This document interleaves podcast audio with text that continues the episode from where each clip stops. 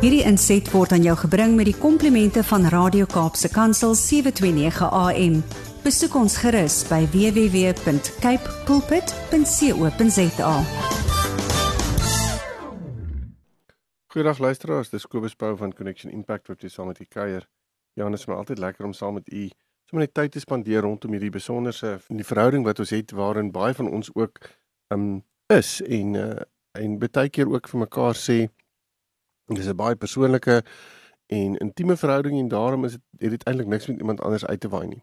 Maar hoe meer ek um, met met verhuwelike werk en hierdie verhoudingswerk van liefdesverhoudingswerk tussen paartjies besef ek net hoe belangrik dit is om met mekaar te kan gesels hieroor. Want weet soos die woord van die Here sê daar's niks nie onder die son nie.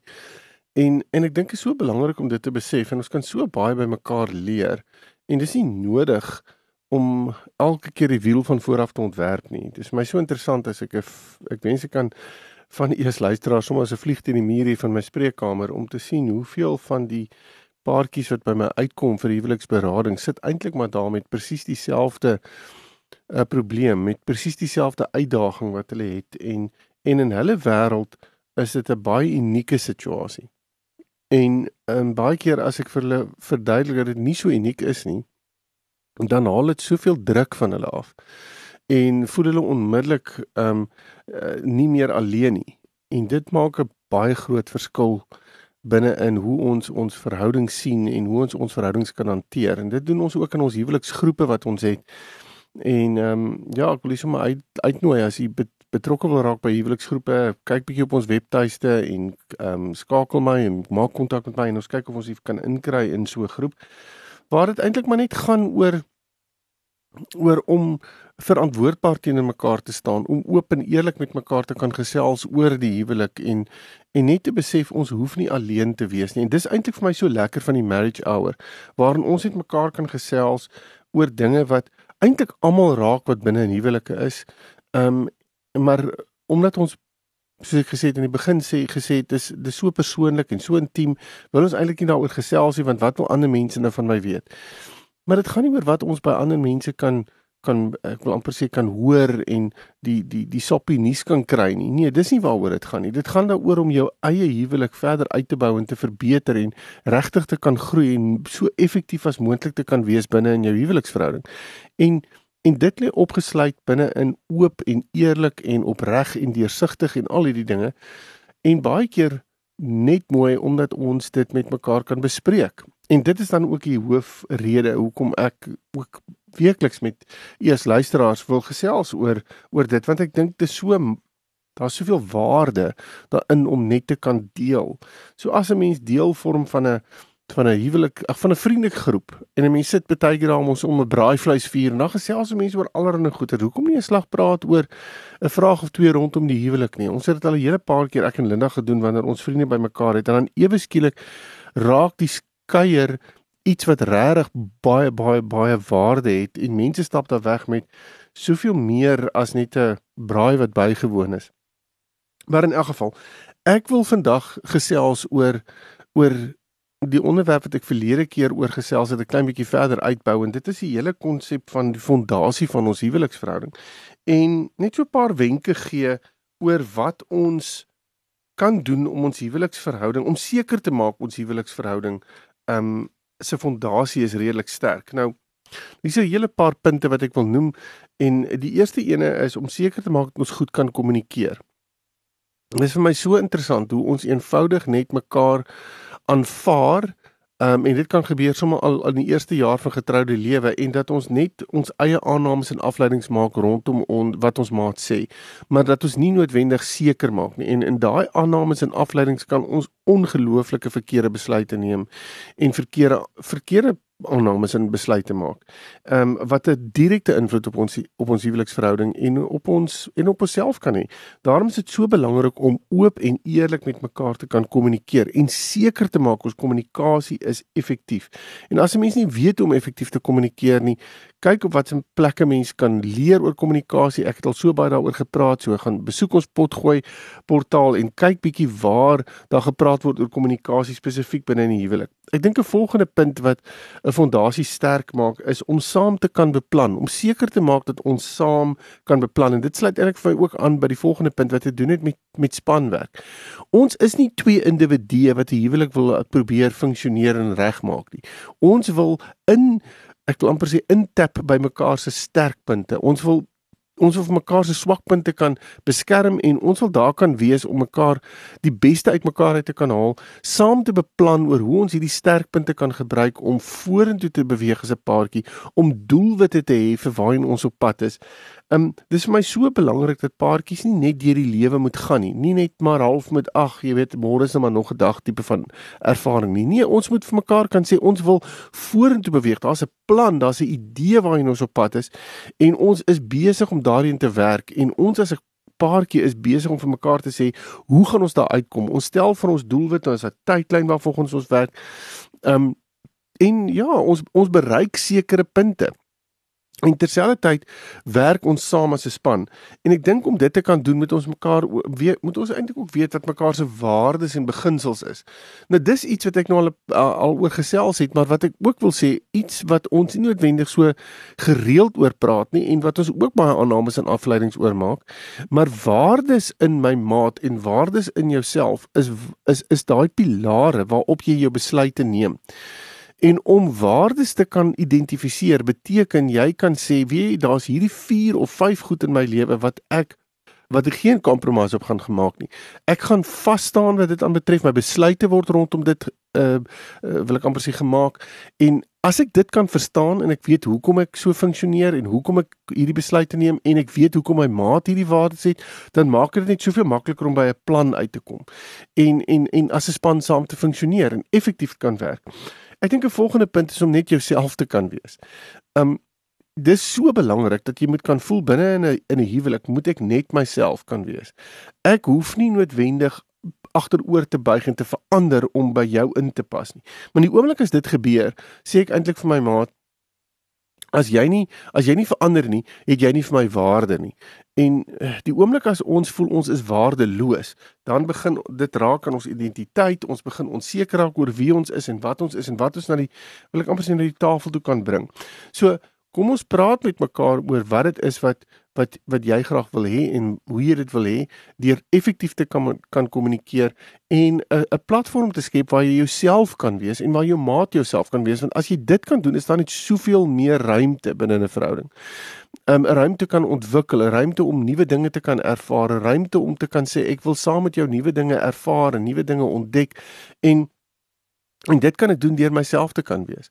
Maar dit beteken ek het nodig om myself te kan ontdek en ek het 'n ruimte nodig om dit te kan indoen. En ons huweliksverhouding moenie hierdie beperkte ruimte wees waarbinne ons voel ons kan nie onsself wees nie. Ehm um, die oomblik as dit gebeur, dan is ons besig om ons maat te beperk. Ons kan ons maat selfs emosioneel ehm um, abuse binne in dit. En ons maat kan voel ehm um, hy of sy is nie goed genoeg vir my nie. Ehm um, so dis iets wat ons regtig aan moet aandag gee. En wat as dit effektief funksioneer, die fondasie van 'n verhouding baie baie sterk maak. Ek dink 'n volgende punt wat ons oor moet gesels en ek het die afgelope ruk ook weer met paartjies hieroor nogals gesels in my spreekkamer is om is om regtig effektief en openlik en eerlik met mekaar te kan gesels oor finansies. Finansies is nie iets wat ehm um, ek wil amper sê net half onder 'n mat ingevee moet word nie. Ek dink dit is ontsettend belangrik om met mekaar hieroor te kan praat. Ek dink dit is baie belangrik om duidelikheid en eerlikheid en opregtheid hieroor te kan hê. Ek dink nie daar moet geheime wees op finansiële vlak wanneer dit kom by 'n paartjie nie, want die oomblik as finansies onduidelik is en ek is besig om geheime daar te hou, dan is ek besig om dit wat sekuriteit in 'n in 'n in 'n in 'n fisiese vlak vir my maatskap um nie so seker te maak nie en my maat kan baie onseker wees oor dit en dit kan 'n baie negatiewe ervaring hê. Ek dink die ander ding wat aansluit by die hele ding van jouself wees um is ook om te sê weet waar jy en jou maat verskil en skep 'n ruimte om daai verskille te kan akkommodeer en vir mekaar te kan sê dis regtig nie 'n probleem nie. Ek weet jy verskil met my op hierdie punt. Ek weet jy dink anders met as my as as ek op hierdie punt. En daar wil ek eintlik net sê die feit dat dit 'n man en 'n vrou is wat in 'n huweliksverhouding is, is dit is dit al klaar 'n 'n ding wat wat aan 'n ander gegee moet word. Want mans dink anders as vrouens en vrouens anders as mans. Wie die wêreld daar buite wil hierdie onderskeid al minder en al minder en al minder maak en probeer half 'n geslagsgelykheid kry, maar dit is nie wat ek in die woord van die Here sien nie. Ek sien nie in die woord van die Here dat daar hierdie geslagsgelykheid is nie. Ek sien dat die Here op die einde van die dag sê daar's mans en daar's vrouens en daar's rolle en daar's sekere dinge wat hy in plek het en hy het hulle so geskape en daarom is dit ook goed om by dit in te pas. Ek dink 'n volgende punt wat ons vir mekaar moet doen om 'n fondasie baie sterk te maak is om net elke nou en dan te gaan stil staan en mekaar te waardeer. Net te waardeer vir wat jou maat reg doen en hoe jou maat dit doen en en en om jou maat net daarvoor um, erkenning te gee. Ek dink dit is so belangrik om erkenning vir ons vir ons maats te kan gee want as ons nie daai erkenning gee nie, dan is dit gewoonlik maar wat gepaard gaan met negativiteit of uh, 'n uh, konfliksituasie wat baie keer ontwikkel omdat ek vir jou die negatiewe uitwys in plaas dat ek die positiewe vir jou uitwys.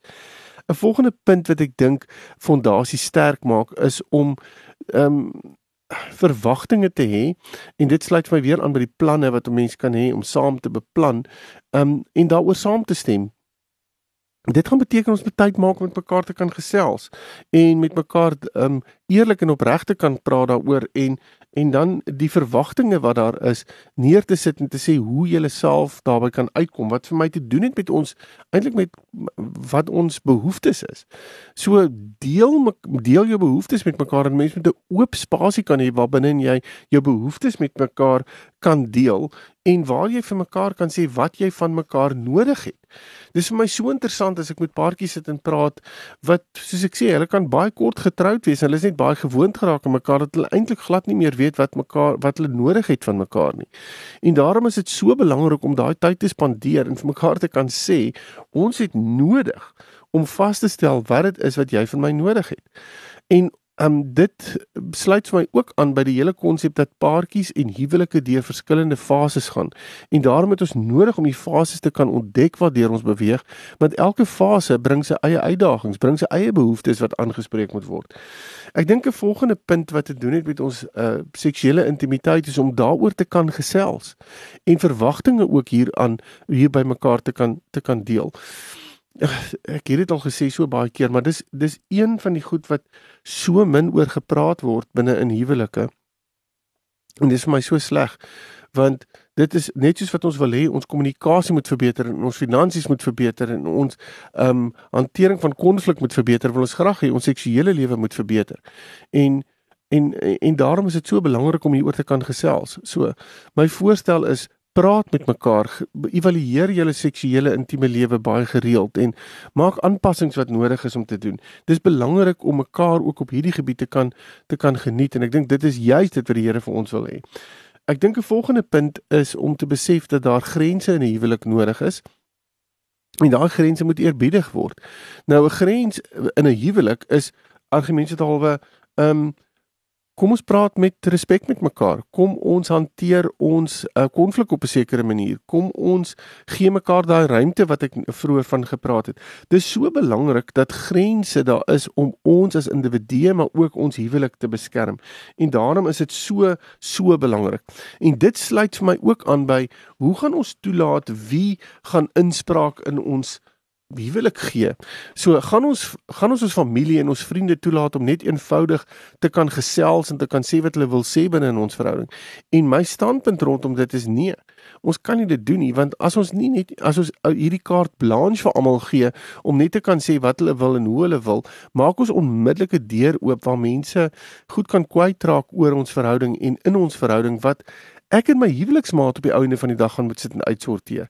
So daarom is dit belangrik om te sê wie kan wie laat ek toe om in my huwelik in te spreek. Nou ek is 'n groot voorstander van 'n uh, 'n mentorkappel, iemand wat wat 'n uh, 'n paartjie wat ek en my maat na opkyk en wat ek bereid is om na te luister en wat ons albei oor saamstem, ons toestemming gee om in ons huwelik te kan inspreek.